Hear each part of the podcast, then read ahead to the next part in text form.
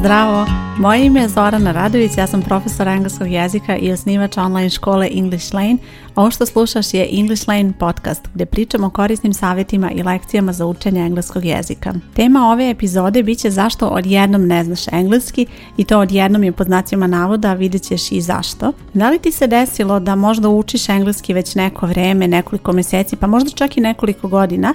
i onda odjednom vidiš da nešto tu ne ide, da zapravo ti ne znaš nešto što bi trebalo da znaš ili recimo da uradila si neke kurseve, položila neke silne testove, ali kada je u pitanju konverzacija ti zapravo shvatiš da nisi na tom nivou i da si zapravo tek početnik. Jer tek kada treba da pričaš na engleskom ti u stvari shvatiš koliko toga znaš, odnosno ne znaš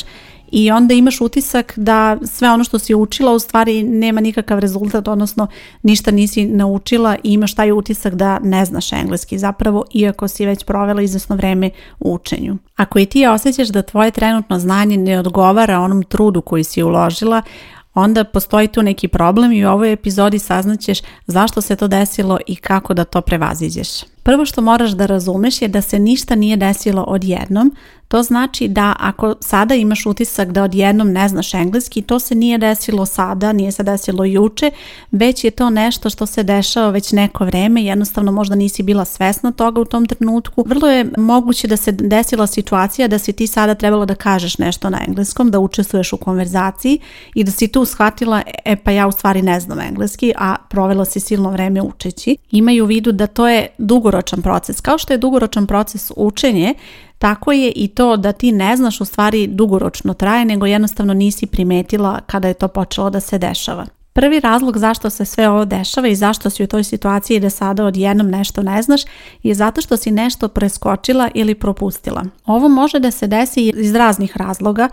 Jednostavno, ako pohađaš neke časove, može se desiti da nisi bila na nekom času i da su baš tada učili nešto što si ti tada propustila i onda ti to kasnije pravi problem i ne možeš da razumeš nešto drugo zbog toga. Ili recimo druga situacija je da si preskočila nešto, na primjer, ako si završila kurs u jednoj školi i onda želiš da nastaviš od sledećeg nivoa u drugoj školi, i praktično ti nastavljaš učenje, ali verovatno tu postoji neki nesklad jer možda programi nisu isti i onda dođeš u situaciju da si trebala nešto da naučiš, a nisi naučila i da onda se kao podrazumeva da ti to znaš, a u stvari ne znaš i onda ti je to sada problem i pravi ti takvu situaciju da ti sada imaš utisak da ne znaš i ono što si znala. Drugi razlog je zato što nisi lepo naučila neke lekcije i ovo može da se desi svima, jednostavno možda nisi uvek dovoljno skoncentrisana na učenje, možda neka lekcija nije dovoljno dobro objašnjena za tebe, možda se u nekoj lekciji podrazumeva nešto što si ranije učila, a ti nisi stigla da obnoviš pa ti sada opet ništa nije jasno. Razni su eto razlozi, i to nije tvoja greška ili tvoj neki problem da sada ne možeš da naučiš, nego jednostavno moraš da budeš svesna da se toga dešava, da neku lekciju nisi baš najbolje savladala, nisi je dovoljno puta obnavljala, neku reč recimo nisi dovoljno koristila i onda sada kada treba da je upotrebiš ti nisi sigurna kako da je upotrebiš iako si je da kažem već naučila. Probaj da budeš svesna da se to dešava, da nekada ne naučiš lepo neke lekcije i da je to nešto što ćeš naravno morati da prevaziđeš. Sada kada znaš zašto se ovo dešava, podelit ću sa tobom par ideja kako da sve ovo izbjegneš. Prvi savjet je da učiš postupno, to znači da moraš da imaš plan i program po kome ćeš učiti i da to bude lepo onako poređeno, da postoji neki redosled šta se uči, kojim redom, na kom nivou, jer je to vrlo bitno. Znači i kada se uči gramatika i kada se uče reči i izrazi, postoji redosled kojim se to sve uči. Neke reči nećeš učiti na početnom nivou, već tek na recimo srednjem nivou, nešto od gramatike ćeš učiti na početnom, nešto ćeš tek na srednjem nivou. Dešava se recimo da kada naučiš present simple na početnom nivou, ti misliš da je tu kraj i da si naučila present simple, ali nije zato što ono što ti naučiš na početnom nivou je ono što je tebi potrebno na početnom nivou ali postoji još, postoji još upotreba, postoji još nekih specifičnih situacija, to je nešto što ćeš učiti recimo na srednjem nivou, a kasnije i na naprednom. Nemoj misliti da možeš da učiš bilo kojim redom, posebno ako učiš samostalno, vrlo je bitno da imaš neki plan po kome ćeš učiti i šta učiš kojim redom. Drugi način kako da izbjegneš da dođeš u situaciju da odjednom nešto ne znaš je da učiš redovno. Pauza veoma loše utiče na tvoje učenje i sve ono što si postigla jer pauza znači da ti u tom periodu ne koristiš engleski jezik i ne učiš engleski jezik. U toj situaciji sasvim je normalno da kreneš da zaboravljaš neke stvari i ono što je najgore ti gubiš sigurnost u konverzaciji i to je ono što je najteže steći, ali se i vrlo lako izgubi kada je u pitanju ta pauza i zato probaj uvek da učiš redovno prema nekom planu koji ćeš ti moći da ispratiš, ali da to učenje zaista bude redovno i da imaš tu naviku da svake nedelje u nekom periodu kada tebi odgovara odrediš kada ćeš da učiš i da svaki put nešto uradiš ili nešto novo naučiš ili obnoviš, ali bitno je da dođeš u kontakt sa engleskim jezikom. Treći savjet koji ću ti dati je da učiš sa razumevanjem. To znači da kada kreneš da učiš neku lekciju, nije dovoljno da pročitaš tu lekciju i da čak i ako ti to sve razumeš, ako je lekcija lepo objašnjena, to će sve tebi biti jasno u tom trenutku, ali to ne znači da si ti to naučila i da to možeš da upotrebiš kasnije. A to je ono što razlikuje to obično učenje, odnosno čitanje, od učenja sa razumevanjem. Vrlo je bitno da ti naučiš lepo tu lekciju, da naučiš da upotrebiš sve što je tu dato, da provežbaš, da recimo ako učiš nove reči, da odmah naučiš kako da upotrebiš te reči u konverzaciji, da im odmah daš neku svrhu, jer na taj način ti onda razumeš to što učiš. Ako učiš recimo reći ovako samo kao neku listu reći i ne primenjuješ te reči, to nije razumevanje i ti onda naučila si eto te reči samo da bi znala njihovo značenje, neku definiciju, nešto, a zapravo kad treba da upotrebiš to u konverzaciji nećeš moći i onda ćeš doći u tu situaciju da nemaš dovoljan fond reči, da ne možeš da se izraziš na engleskom jer nemaš dovoljan fond reči i tako dalje, upadaš u taj začarani krug gde ćeš doći u situaciju da opet ništa ne znaš. Sljedeći četvrti savjet, uči sve što treba da učiš i to znači da ako pohađaš neki kurs ili pohađaš neke časove i imaš sve ono što treba da učiš, dobiješ program, odnosno profesor ti napravi program, moraš da učiš onako kako je predviđeno tim programom i da u tom slučaju učiš sve i gramatiku i nove reči i čitanje i konverzaciju, sve što je potrebno da bi ti uspela da postaneš govornik, odnosno da bi uspela da pričaš na engleskom. Sve to zajedno čini konverzaciju i vrlo je bitno da ne izostaviš neki deo. Imala sam jednu polaznicu koja je pohađala jedan od mojih kurseva i sada u okviru kursa postoji redom sve šta ona treba da uči, ali ona je odlučila da preskače zadatke čitanja i poslala mi je poruku da preskače zadatke čitanja zato što je to sada teško i to ostavlja za kasnije. I onda sam se ja pitala, ne znam za kad kasnije, kada će doći na red to čitanje jer prosto ne možeš napredovati dalje ako ne naučiš čitanje. Ona je krenula od početnog nivoa i savladala je jedan deo kursa ali čitanje je bukvalno stajalo na nuli zato što ona nije uopšte vežbala čitanje jer je njoj to delovalo teško u tom trenutku i delovalo je kao nešto što zahteva malo više truda. I imaju u vidu da je to sasvim normalno, ali da moraš da budeš svesna da postoje takve situacije i da moraš da ih prevaziđeš. Ništa nećeš dobiti time ako nešto ostaviš za kasnije, jer prosto to ćete kad tad sačekati. Ona svakako ne bi mogla da napreduje ako ne vežba čitanje jer onda neće vežbati izgovor i onda zapravo ni nema konverzacije na engleskom. Kada je došla u ovu situaciju i kada mi je poslala tu poruku,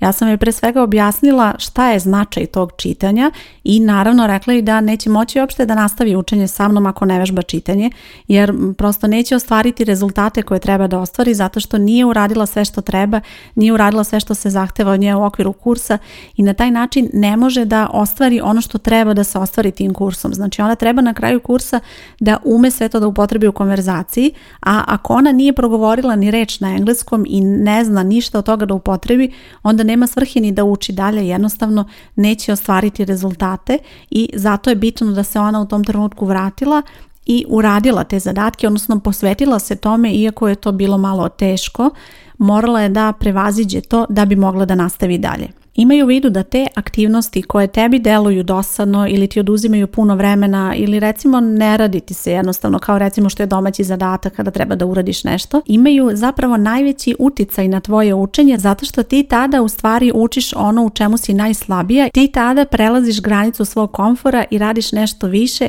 radiš nešto što će odmah imati dobar uticaj i odmah će se videti, primijetit će se razlika kada je u pitanju tvoje znanje. Pogotovo u odnosu na one ljudi koji nisu spremni da pređu tu granicu i žele da uče samo ono što oni misle da treba da nauče. Ne može sve biti baš jednostavno kada je u pitanju učenja engleskog jezika, nekome će čitanje biti malo veći problem, nekome će neki delovi gramatike, nekome će nepravilni glagoli i tako dalje, ali imaju u vidu da sve to zajedno čini konverzaciju i bez svakog tog dela pojedinačno konverzacija neće biti moguća i onda nećeš moći da ostvariš svoj cilj i zato je bitno da ništa ne izostavljaš i da ne očekuješ da recimo ako izostaviš sada nešto da ćeš moći da se vratiš za mjesec, dva pa ćeš ti to tada naučiš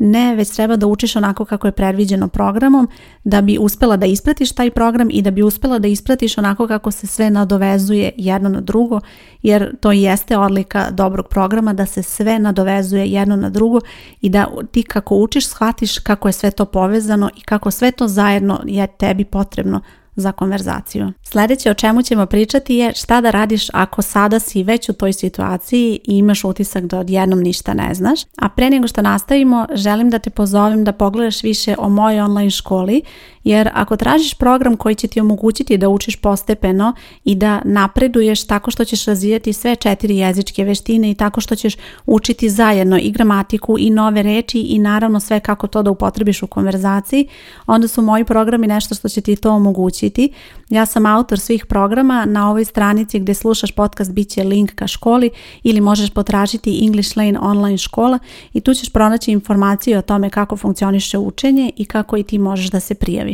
A sada šta da radiš kada odjednom ništa ne znaš? Pre svega nemoj da odustaneš. Znači ako imaš utisak da odjednom ništa ne znaš, to se dešava, to se mnogima dešava, jednostavno nemoj da odustaneš, nemoj da ti to bude razlog da kažeš sebi ok, meni ne ide engleski, nije to za mene,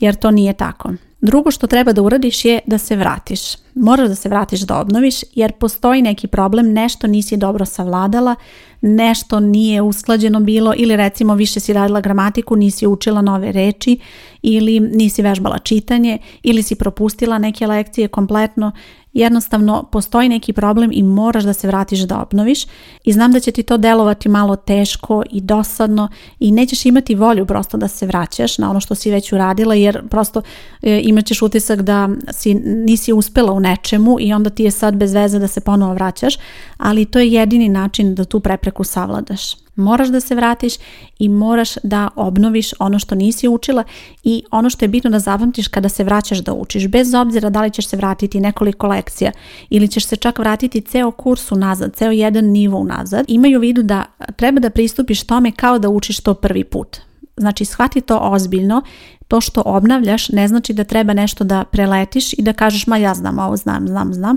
jer da znaš sve to da zaista tako dobro ne bi bilo sada u situaciji da nešto ne znaš. E, imaju u vidu da ponovo ulažeš vreme Ponovo ulažeš trud u sve to i probaj da to sada bude bolje, da ne bude na taj način da dođeš uopšte u tu situaciju, već probaj da učiš onako kao što sam već i malo pre predložila, znači postupno, sa razumevanjem i redovno. Druga stvar je da potražiš pomoć, to je nešto što će ti mnogo značiti kada je u pitanju učenja engleskog jezika. Pogotovo recimo ako želiš da učiš samostalno, onda možeš potražiti pomoć tako što ćeš se prijaviti na neke časove ili dobiti neke konsultacije ili nešto, ali svima je u nekom trenutku potrebna pomoć za nešto. Potrebno je razjasniti neku nedoumicu, kada nešto treba da se koristi, kada ne treba i tako dalje i vrlo je bitno da imaš tu sredinu oko sebe gdje možeš da postaviš pitanje i da dobiješ odgovor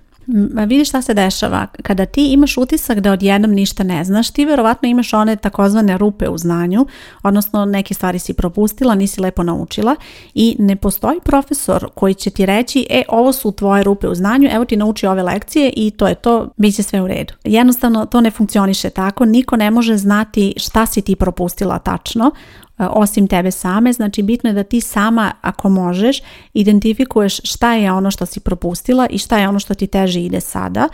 ali šta god daje i koji god put odlučiš da li ćeš se vratiti malo, da li ćeš se vratiti ceo jedan nivo, vrlo je bitno da imaš pre svega uz sebe kvalitetan program i da imaš pomoć kada ti je potrebna za sva neka dodatna pitanja i neke nedoumice koje ćeš možda imati. Postoji jedna dobra stvar kada je u pitanju ta situacija gdje moraš da se vratiš, posebno recimo ako se vraćaš ceo jedan nivo, znači ponovo pohađaš neki kurs, a to je da će ti mnogi stvari biti poznate. To ne znači da ti treba da prođeš kroz te lekcije da kažeš ma znam ja ovo, se ovoga, nego priđi tome kao da učiš ponovo sve to prvi put, ali ćeš vidjeti da kada čitaš te lekcije da ćeš imati mnogo drugačije razumevanje i na mnogo drugačiji način ćeš sve to uh, uspjeti da shvatiš kao jednu celinu i mnogo će ti biti lakše da to odmah naučiš kako da upotrebiš u konverzaciji. Ako imaš utisak da odjednom ništa ne znaš, vrlo je bitno da ne nastavljaš dalje, već da pre svega identifikuješ gdje je problem, šta je to ono što si propustila, odnosno zapostavila, da se vratiš, da obnoviš, da potražiš pomoć, jednostavno da probaš da prevaziđeš tu prepreku, jer čak i ako imaš utisak da nešto ti slabije ide, postoji razlog zašto je to tako i vrlo je bitno da to prevaziđeš, vrlo je bitno da ne ostavljaš nešto za kasnije, zato što ti sada teže ide, već jednostavno sada moraš da naučiš sve što je potrebno da bi onda uspjela da pre svega i izbjegneš samu situaciju da odjednom ništa ne znaš i da dođeš u situaciju da shvatiš da je sav tvoj trud bio uzalud jer ne treba da bude ako budeš učila sa razumevanjem, ako budeš učila postupno i redovno nećeš ni doći u tu situaciju. Nadam se da su ti ovi savjeti korisni i nadam se da će ti pomoći da oceniš u kojoj si ti situaciji sada i da vidiš koji su najbolji koraci koji će ti pomoći da nastaviš da uspešno učiš engleski jezik. Hvala ti što slušaš podcast, ja sam Zorana Radović i čujemo se uskoro. Ćao!